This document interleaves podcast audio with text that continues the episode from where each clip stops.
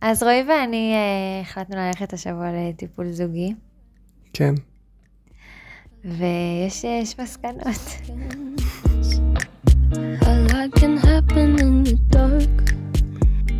היי, ברוכים הבאים לדיאלוג, פודקאסט שיוצא כל מוצ"ש, והיום בתוכניתנו אורח חשוב, אה, רועי, שלום. כפיים, איפה הכפיים? מאזינים. איפה שאתם לא עכשיו, כל אחד באוטובוס, בבקשה למחוא כפיים. בריצה, בהדחת כלים, איפה שלא תהיו. סתם, שלום לכולם. אני רועי. רועי הוא חבר שלי בשלושה חודשים האחרונים, אה, ואני אוהבת אותו מאוד, והאמת שהזמנתי אותו להתארח בפודקאסט, נראה לי בערך בדייט השלישי שלנו, כי פשוט ידעתי שזה יהיה מעניין, ואז הוא כזה אמר לי, "אה, תודה, אבל נראה לי שלא. נכון. אז הייתי סבלנית שלושה חודשים, והיינו כאן לפרק. מתנת יום הולדת. נכון. אה, כן, נכון, אז עכשיו אני מתארח פה בשמחה. האמת שגם אז רציתי, אבל זה היה מפחיד לצלול נכון, עמוק על הדייט השלישי. נכון, זהו, אבל עכשיו כבר זה מקום אחר, וזה כיף לנו להקליט ביחד פודקאסט. נכון. נכון, אז היה לך שאלה לשאול אותי. נכון, ננסה לנסח אותה. אמ, את מקליטה פודקאסטים כל שבוע, כמעט, כמעט, אבל בעיקרון יש לך שגרה של לעשות את זה כל שבוע. וזה אומר לבנות סיפור בראש שלך כל שבוע. וזה אומר, אמ, כאילו, יש לך את החוויה הזאת, אה, שאת כל פעם אה, חווה איזושהי חוויה, מבינה מזה משהו, יש לך תובנה על זה, ואת רוצה אחר כך אה, לעטוף את זה ולהגיש למאזינים. ורציתי לשאול, האם הדבר הזה, אה, הצורך הזה בא על חשבון אולי לפעמים הכנות, או על ה- הכנות של איפה שאת באמת בסיטואציה. אמ, כן, כי לפעמים אם אני רוצה כבר לספר את הסיפור עם סוף, כבר עכשיו, כאילו, אני לא נותן לעצמי מקום להיות אה, באמצע. באמצע. ונראה לי שרוב החיים שלנו אנחנו באמצע, אין לנו מסקנות. אה, כן, נראה לי שזאת השאלה. אני מרגישה שרועי שאל אותי את השאלה הזאת, ואז אמרתי לו, עצור, אנחנו צריכים להקליט פודקאסט כבר. ו... ואז התחלנו להקליט את זה. אני חושבת שיש לי אובססיה לסופים, פשוט. אני לא סובלת את האמצע, ואני לא יודעת איך אפשר לחיות בתודעה של אמצע. אתה מצליח לחיות בתודעה של, אה, יש לי אמצע. איך זה? תספר לי על זה. אה, נראה לי זה סבלנות. כן, את זה אין לי. אמ, איך חיים בתודעה של אמצע שאין סוף עדיין? זה לא שאני לא אוהב נרטיבים ו- ואת הצורה שאתה מחפש לה- להפיל, להכניס סיפור, אלא אני פשוט מאוד רוצה את הכנות שיש באמצע. כן, את הזה, את ה... אני רוצה, עד כמה שזה נכון, וזה נכון אצלי לפחות הרבה מאוד, להיות במקום של, לא יודע, לא יודע למה אלוהים העביר אותי את המסע הזה, אין לי מושג לאן זה הולך. למה זה לדעתך בא על חשבון כנות, הידיעה? אה, קודם כל, ישר זה זורק אותי ל... ל... לכזה רבנים בישיבות תיכוניות, או בכל מיני כאלה, או כל עוד עולם אידיאולוגי כזה, ששואלים אותם שאלות, והם הם לא הקשיבו לשאלה שלך, והם לא נתנו לה כבוד. הם פשוט רצו להגיד את התשובה שכאילו, שאמרו להם להגיד, ושכולם אומרים במסגרת האידיאולוגית הזאת. אמ, אין שם כנות, כאילו. ואגב, מה שדיברנו על הרב אילן, אז אני מאוד אוהב אותו, כי הוא אומר, אני לא יודע. וזה מדהים אותי, וכשהוא אמר את זה, זה, זה אחד הדברים ששבו אותי בו.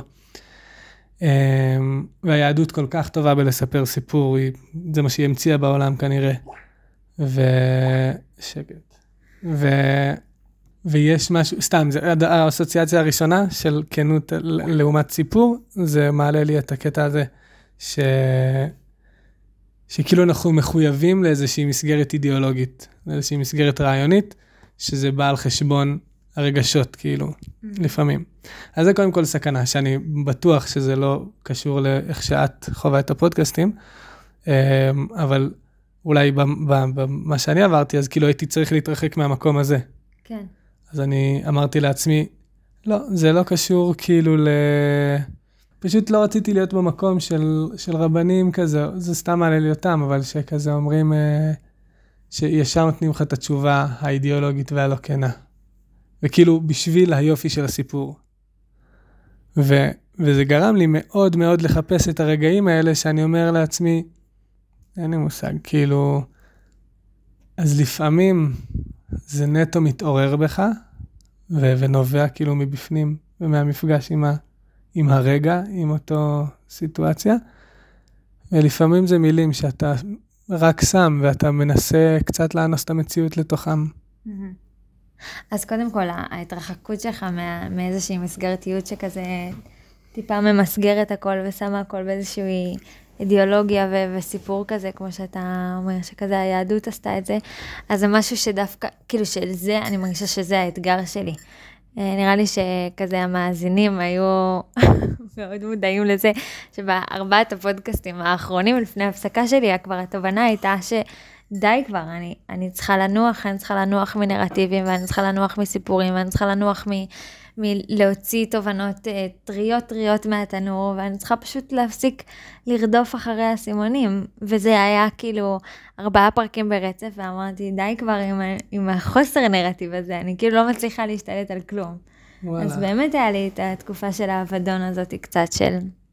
אגב, היה לי שבוע שעבר אה, יום הולדת, ורועיקי ואני הלכנו אה, לחגוג, ו... ולפני כן, כזה, הסתכלתם פעם בוויקיפדיה על מה קרה ביום הולדת שלכם? כי אני עשיתי את זה. באמת? כן, וגיליתי, נראה לי שסיפרתי לך את זה, שכזה ביום שלי אה, מצאו את הקשר. אז ביום הולדת, אז כאילו חיפשו אה, הרבה שנים את התרופה למלריה, ובתאריך של היום הולדת שלי מצאו את הקשר. אה, ש, שבעצם היא נובעת בגלל אה, עקיצת יתושים. אה, אשכרה. כן, ואז... מה? מצחיק, זה אירוע מאוד שולי בעולם. נכון, אבל זה כאילו, זה תפס אותי, כאילו רק דמיינתי את הרגע הזה שעקצו, כאילו מישהו עקץ אותו יתוש, ואז אמר, יואו, רגע, רגע, רגע, רגע, רגע, רגע, חייב לקחת את זה למעבדה, או משהו כזה, כאילו, איזושהי כזה הסתכלות על המציאות ולהגיד, היי, יש לי מפה תובנה. יש לי מפה משהו שאני יכול לרוץ ולאבד אותו ולחשוב עליו ולהסיק ממנו משהו גדול, רפואי, ענק, או אפילו כאילו בחיי הפרטיים, זה כזה איזשהו עיצוב אופי קטן כזה לעצמי ולקחת איזושהי תובנה מהמציאות. אז אמרתי שזה קטע שזה קרה ביום הולדת שלי, כי זה כאילו, אני באמת הרגשתי שאני באיזשהו מרדף של כאילו הפלת אסימונים. ונראה לי שגם, כאילו, יש משהו בך שהוא גם מאוד מושך אותי, וגם כאילו, אחד הדברים שאני נורא נורא אוהבת בך זה שאתה מאוד יודע לשהות. כאילו, אני לא יודעת אם נכניס את זה, אבל כזה כשהיינו, רועי יוקי ואני פגשנו מטפלת, ו... ואז היא, היא גם סיפרה לנו איזשהו סיפור, היא גם מסגרה אותנו, היא אמרה כזה, כאילו, היא לא יודעת, היא אפיינה אותנו כזה, וכל דבר שהיא אמרה, אני כזה, יואו, כן, וואו, זה כל כך, נח... איזה רעיון טוב, וואי, זה ממש יכול לעזור לנו להתמודד, זה ממש זה, זה ממש זה, ואז שאלתי את רועי, מה אתה חושב, כזה באמצע הטיפול, ואז אמר, אה, לא, כאילו, נכון, מה אמרת? שזה הפרשנות שלה. כאילו אמרתי, תודה למטפלת, שזה פרשנות יפה, אבל כאילו, לא יודע, אני צריך זמן עם זה, שזה... נכון. שזה עדיין לא מרגיש לי שלי הפרשנות הזאת. כן, וזה טירוף, כי כאילו, אני פשוט, אני אוספת, אני אוספת את הסימונים, אני הולכת, אני אומרת, אני לא חושבת שזה באמת הפודקאסט, אני לא חושבת שזה באמת כאילו איזשהו, כאילו, שזה בא על חשבון כנות מסוימת, זה פשוט באמת אופי שלי של רדיפה. אני כאילו, אני רודפת, אני רצה, אני ממהרת, אני לוקחת כן. ואני אוספת. לא, רגע, אם, אם זה לא היה ברור, אז ברור שהפודקאסט הוא תוצאה של זה. כן. כאילו, זה דחף שיש לך. נכון. ו- ואת פשוט חייבת כבר לשתף את זה, כי את מתפוצצת מרוב אסימונים ומחשבות ותובנות ומה להגיד לעולם. נכון. Uh, כן, וזה גם כמובן הקצב שלך, הקצב שבו המוח שלך עובד, כאילו כל כך מהר וכל כך תופס כל הזמן פרטים ו- ורץ איתם ומנתח אותם לכל מיני דברים, זה גם כאילו ישר יוצא לך סיפור אחרי סיפור אחרי סיפור. נכון. איך אתה מרגיש כשאתה יודע משהו? אני יודעת איך אני מרגישה כשאני באבדון, כשאני כאילו ב... בחוסר נרטיב, זה גורם לי להרגיש ממש אי נוחות. אה, ולך אתה מוצא שם דווקא את הכנות. אז מה קורה לך כשאתה יודע משהו בוודאות? האם אתה מרגיש חוסר נוחות שם? אז אולי קודם כל אני מפקפק בזה. לפעמים. כי אני אומר, רגע, אתה מספר, זה נעים לי לשמוע את זה, אז בגלל זה אתה אומר? אגב, אבא שלי, אבא שלי הוא אומן ה... הלספר סיפורים, הוא פשוט לוקח כל דבר והוא... ו- וכאילו הוא איש של נאומים, והוא ממש נואם כזה כל הזמן ברעננה בכל מיני מקומות. ו- והוא לוקח כל נושא כזה והופך אותו למרגש וציוני ואידיאולוגי, וכאילו, ו- ומספר את זה כל כך יפה. ו- וזה מקסים, וזה, אבל לא יודע, מרגיש לי שהדור שמעלינו מת על זה. וכאילו מחפשים כזה, כמו שאנחנו כנראה מחפשים, לא יודע, ריגושים ומסיבות וזה, אז הם מחפשים את, ה- את הנאום הזה שירגש אותם, שיהיה מהודק. כן, ש- ש- ש- שיהיה לו את כל הנרטיבים האלה של אה, חייל צה"ל, ושל חילוני ודתי שמתחבקים, כן. ושל תמונה של הכותל, ולא יודע, כל מיני, כזה כמה נרטיבים שצריכים להיות, וזה פשוט ירגש אותם, וזה כאילו יהיה השיא של השבוע שלהם, ואז יש לי שיחות כאלה עם אבא ואמא שהם מתרגשים ומספרים לי על זה, שבועיים. איזה ערב מרגש היה, כאילו, בטוח את תשמעי את זה גם השבוע. מה אבא, איך היה וזה? איזה ערב מרגש, תקשיב, אתה היית נהנה, איזה ערב מרגש.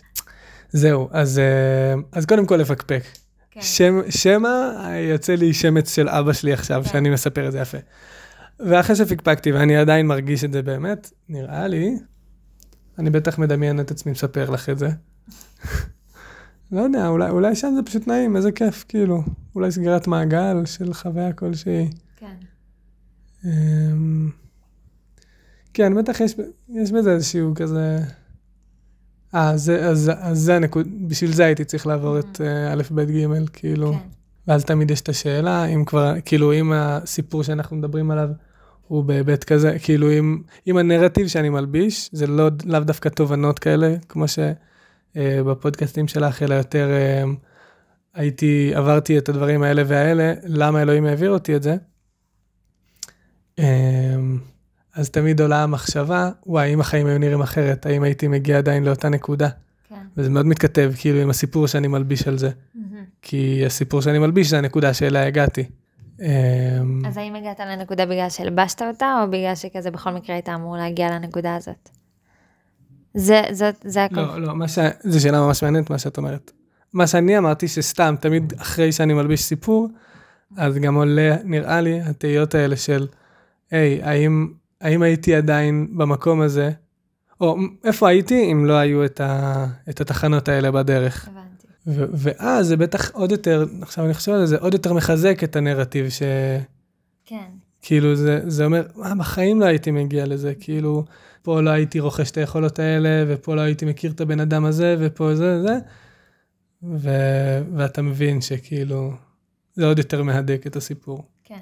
שכשהייתי בכותל, אז העברתי פעם אחת הכנה לקבוצה חרדית, אה, וסיכמתי את זה ממש יפה, כאילו, זה היה כזה נשים חרדיות מהממות כאלה, ואז אמרתי, ועכשיו תראו איפה היינו, כאילו בכל הארצות ובגולה ובתפוצות, ואיזה סבל עברנו, ואיזה מדהים שאנחנו פה במנהרות הכותל, במדינה של העם היהודי, וכאילו כזה ממש ציירתי את זה כזה כמו, כמו הדור הקודם, עם איזושהי תקומה כזאתי, ו... ואז אה, אישה, המורה כזה קמה והיא אמרה, כזה ניגשה למיקרופון שלי ואמרה, נכון, זה מעולה, אבל ממש לא. כאילו, עוד חסר לנו בית המקדש, וחסר לנו את זה, וחסר לנו את הגאולה ואת המשיח, וממש לא סיימנו, והיא כאילו ניפצה לי את ה... כאילו גם את ההדרכה, ושזה פחות אכפת לי, אבל כאילו כזה את, את הסיפור התקומה שלי, כזה, לא, היה לי נוח להאמין בזה, היה לי נוח כאילו לאנוס את האידיאולוגיה הזאת על, ה, על הסיור שלי. אה, והיא כאילו באיזשהו מקום, יש לי מושג של אה, רצפת הזכוכית. כמו שיש תקרת הזכוכית, שכזה, אנחנו חושבים שהגענו למעלה, אבל לא באמת הגענו, אנחנו כאילו כלואים בתוך זה. אז יש לי את רצפת הזכוכית, שכאילו, אתה חושב שאתה מספיק אה, כנה עם עצמך, ועמוק עם עצמך, ומודע לעצמך, אבל בעצם אתה תקוע באיזושהי רצפה. אה, רצפת זכוכית שלא מאפשרת לך בכלל להגיע למטה, כי אתה כאילו כל כך באשליה שאתה כבר למטה, והגעת להכי עמוק שאתה יכול. וזה כאילו, לא יודעת למה זה מתקשר לי תקשרי לי את הזכוכית לאידיאולוגיה. כאילו האידיאולוגיה הזאת, כמו שאמרנו, של כזה רבנים או תפיסות עולם מסוימות, שכזה נורא נורא מנסות לייצר נרטיב, הן לפעמים יותר מדי כאילו מכורות לנרטיב הזה, כשהן לא רגע עוצרות לבדוק את עצמם, האם הם עדיין באמת מחוברים לנרטיב הזה, והאם הוא בכלל עדיין נכון לגבה, נכון. לגביהם. אז אותו דבר אני מרגישה עם הרצפת זכוכית של כל אדם. וואי, כאילו, ממש. הרצפת זכוכית היא איזושהי אידיאולוגיה כזאת שאתה... אתה חושב שאתה מחזיק בה, אתה חושב שאתה יכול כאילו לצאת למצעדים ולנפנף בה, אבל אתה רגע שנייה צריך לעצור. כאילו, כדי להבין שאתה רק עומד על רצפת זכוכית, וכאילו, כן, אוקיי, ממש, ממש הבנתי, וזה, וזה זורק אותי כזה ל... אם כבר דיברנו על רבנים ועל על היהדות, כמה שהיא גדולה בלס, בלספר סיפור, אמ, באמת, אולי הדת נראה לי הכי טובה בזה, אז מה שאין ליהדות, זה מה שאולי מאוד מפותח, מה זה אין ליהדות? יש פחות ביהדות ומאוד מפותח בדתות דתות המזרח, כזה בבודהיזם בעיקר וגם בהינדואיזם, זה כזה ההבנה של רצפות זכוכית, שכל המילים היפות, רצפה, ואנחנו יכולים לשבור ולהגיע לעוד רצפה, ולשבור ולהגיע לעוד רצפה, ומתישהו להבין ש, שאין כלום, כאילו, ו... שאין כלום זה כזה דרך אחת להסתכל על זה, אבל, אבל שכל מה שיש הוא בחירה איך לספר את זה. הרבה פעמים במדיטציות האלה, הנחיה שסיפרתי לך, שהם כאילו, תדמיין שאתה אה, עם פנס, התודעה שלך היא פנס, ואתה כל פעם בוחר על מה להעיר, ואז התודעה, במדיטציות האלה אתה מנסה בעצם להסתכל על הפנס ולהבין עצם התודעה, וכאילו במקום להשליך איזשהו סיפור כל פעם על המציאות, להתנתק מכל סיפור, מכל שיטה של מילים שאתה רוצה להלביש, ורק לראות את המציאות ככה, כפי שהיא חסרת, חסרת מילים, מלאת עוצמה וחיות, אבל חסרת מילים. זה, זה סתם, זה כזה הבדל מעניין באמת. וואו, מעניין. אז אני רק אצטדק קצת בשביל היהדות. כן. שרבי נחמן, יש לו סיפור שכזה, בן של מלך רוצה להגיע אל המלך, והוא צריך לעבור איזשהו מבוך מאוד מאוד מאוד מסובך כדי להגיע לטירה, ולעבור דרך כאילו כל מיני מסלולים מסובכים, ו- ו- ודרך חומות, והוא כזה נורא נורא מסתבך, ובסוף הוא מגיע אל המלך. ובן אחר פשוט כאילו נכנס בקיר, וקולט שכאילו כל הארמון הזה הוא. בכלל מדומיין, כאילו הוא וואו, בכלל... סיפור ענק, נכון. נכון. נכון, פשוט עובר את זה. כן. וזה כזה מהמם, שכאילו, עזבו אתכם את כל השטיקים של... אה, מבחינתי אני מפר... מפרשת את זה ככאילו כזית, כביצה, אה, כן עובר, לא עובר, עזבו, כאילו, השם הוא פה, כאילו, הרוחניות היא כאן, היא איתנו, היא כל כך קרובה, ואנחנו מתעסקים בכל כך הרבה מבוכים, שהם פשוט לא באמת כאן. הם כאן, אם נחליט שהם כאן, ובסוף נגיע אל המלך, כאילו, במבוכים האלה, אבל, אבל לא, אולי לא צריך אותם בכלל. נכון. ואז אולי זה גם הבנה על כל נרטיב שיש לנו. ואת יודעת שזה בעצם ממש, הק... היה לנו שיחה כזאת על... כשהיינו אצל המטפלת, אז ההבנה הזאת שכל הדרכ... ש... שבעצם מתחת לכל סוגי הסיפורים שאפשר לספר, נוכחת מציאות חסרת מילים, כן. ו... וזה זה לא אומר עליה, כאילו, כל המילים הם רק, הם רק זוויות אחרות של הפנס, להסתכל על, על אותו האוב... אובייקט, נכון. על הכד שבאמצע החדר. נכון. אז כאילו, זה מה שנראה לי גם נותן לי להגיד למטפלת, כאילו, זה, בגלל זה אני מרגיש בנוח להגיד למטפלת, אה, תודה, פרשנות מעניינת. וכאילו, נראה לי כזה בבסיס, אז אולי זה, זה מה שיושב לי שם בתפיסה. כן. ו... ואז, ואז אולי גם לא אכפת לי להיות במקום הלא יודע הזה. כן. כי כאילו, בסדר, אני לא יודע מה המילים, אבל זה רק המילים, זה רק כן. הדרך לספר את הנרטיב הזה. וואי, זה נורא מזכיר לי, כאילו, כמו שמתחילים לצאת, זוג חדש מתחיל לצאת, ואז כזה, אני זוכרת מחברות שלי שאומרות, אני לא יודעת, אני כאילו מרגישה ש... אני לא סגורה על זה, אני לא בטוחה בזה, אני, אני לא יודעת, כאילו, לפעמים קצת שקט לנו, ולפעמים זה ולפעמים זה, ואז כאילו, מאז שהכרתי אותך, אני חושבת גם בגלל סיפור ה... הד- הדייטים שלנו, וגם בגלל השהייה שלך בחוסר מילים האלה ובחוסר התרחשות, קראנו לזה בהתחלה, שזה פשוט לא משנה. ואם פעם, כאילו, בשיחות כאלה הייתי ממהרת להגיד לחברה, אז לא, או אז כן, או אז תני לזה עוד צ'אנס. היום זה כזה, אוקיי, את תגלי. כאילו, את תגלי איזה פרשנות את בוחרת לזה במציאות. כאילו, היום אני הרבה יותר כזה מה זה מילים? מה את מספרת לי? גם אני כשהתחלתי כאילו להיות עם רועי, אז, אז הייתי נורא מבולבלת ולא ידעתי וכזה, הרגשתי משהו והרגשתי שמשהו פה מדויק, אבל לא יכלתי לתת לזה מילים, ובגלל זה כל כך התבלבלתי. וכאילו מהצורך להחצין את המציאות שלנו במילים ולהתייעץ עם חברות, אבל כאילו אין שום צורך. את תרגישי, את תגלי. תגידי איתי. נשמה. זה החלק שאתם שונאים אותנו? נכון, איזה כיף. משמח מאוד. ועכשיו פתאום חשבתי על זה שבעצם אם המאזינים הייתם פה יושבים איתנו בחדר, הייתם אולי מבינים משהו אחד מהשיחה הזאת, ואולי את עוד מעט תערכי את, הזה, ובעצם תרכיבי נרטיב מתוך השיחה הזאת. כאילו, כן, זה, זה גם יקרה. נכון. כאילו אפשר בטח לקחת את השיחה הזאת בעריכה לא כזאת מתוחכמת, סתם באיזה חלקים אתה בוחר לשים, כן, זה כאילו יכול ללכת לכל מיני כיוונים, זה מגניב, סתם פתאום חשבתי על זה. נכון.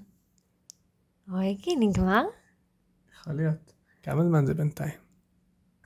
Oh my God! תודה לכל המאזינים. אה, זה היה עוד פרק של דיאלוג. אה, אתם מוזמנים ל... אתם מוזמנים, אה, אם יש לכם חברים שיתעניינו בזה, אה, לשלוח. כן, אה, זה היה היום השמיני והכי מבאס בשבוע, שהוא מוצ"ש, ונתראה בפרק הבא של דיאלוג. יפה יש מאוד. משפט ששכחתי? אני אשמח שתשתפו אותי בתובנות שלכם. אה, נכון. אני ממש אשמח. מה חשבתם על השיחה הזאת, ואם יש לכם תובנות, תשתף אותנו, ומחשבות, ותשובות, ושאלות בכלל, אז אה, אנחנו נשמח. אז מיכל תשמח, שתפו אותה דרכה. נכון. טוב, ביי. שמה אפגוש שמה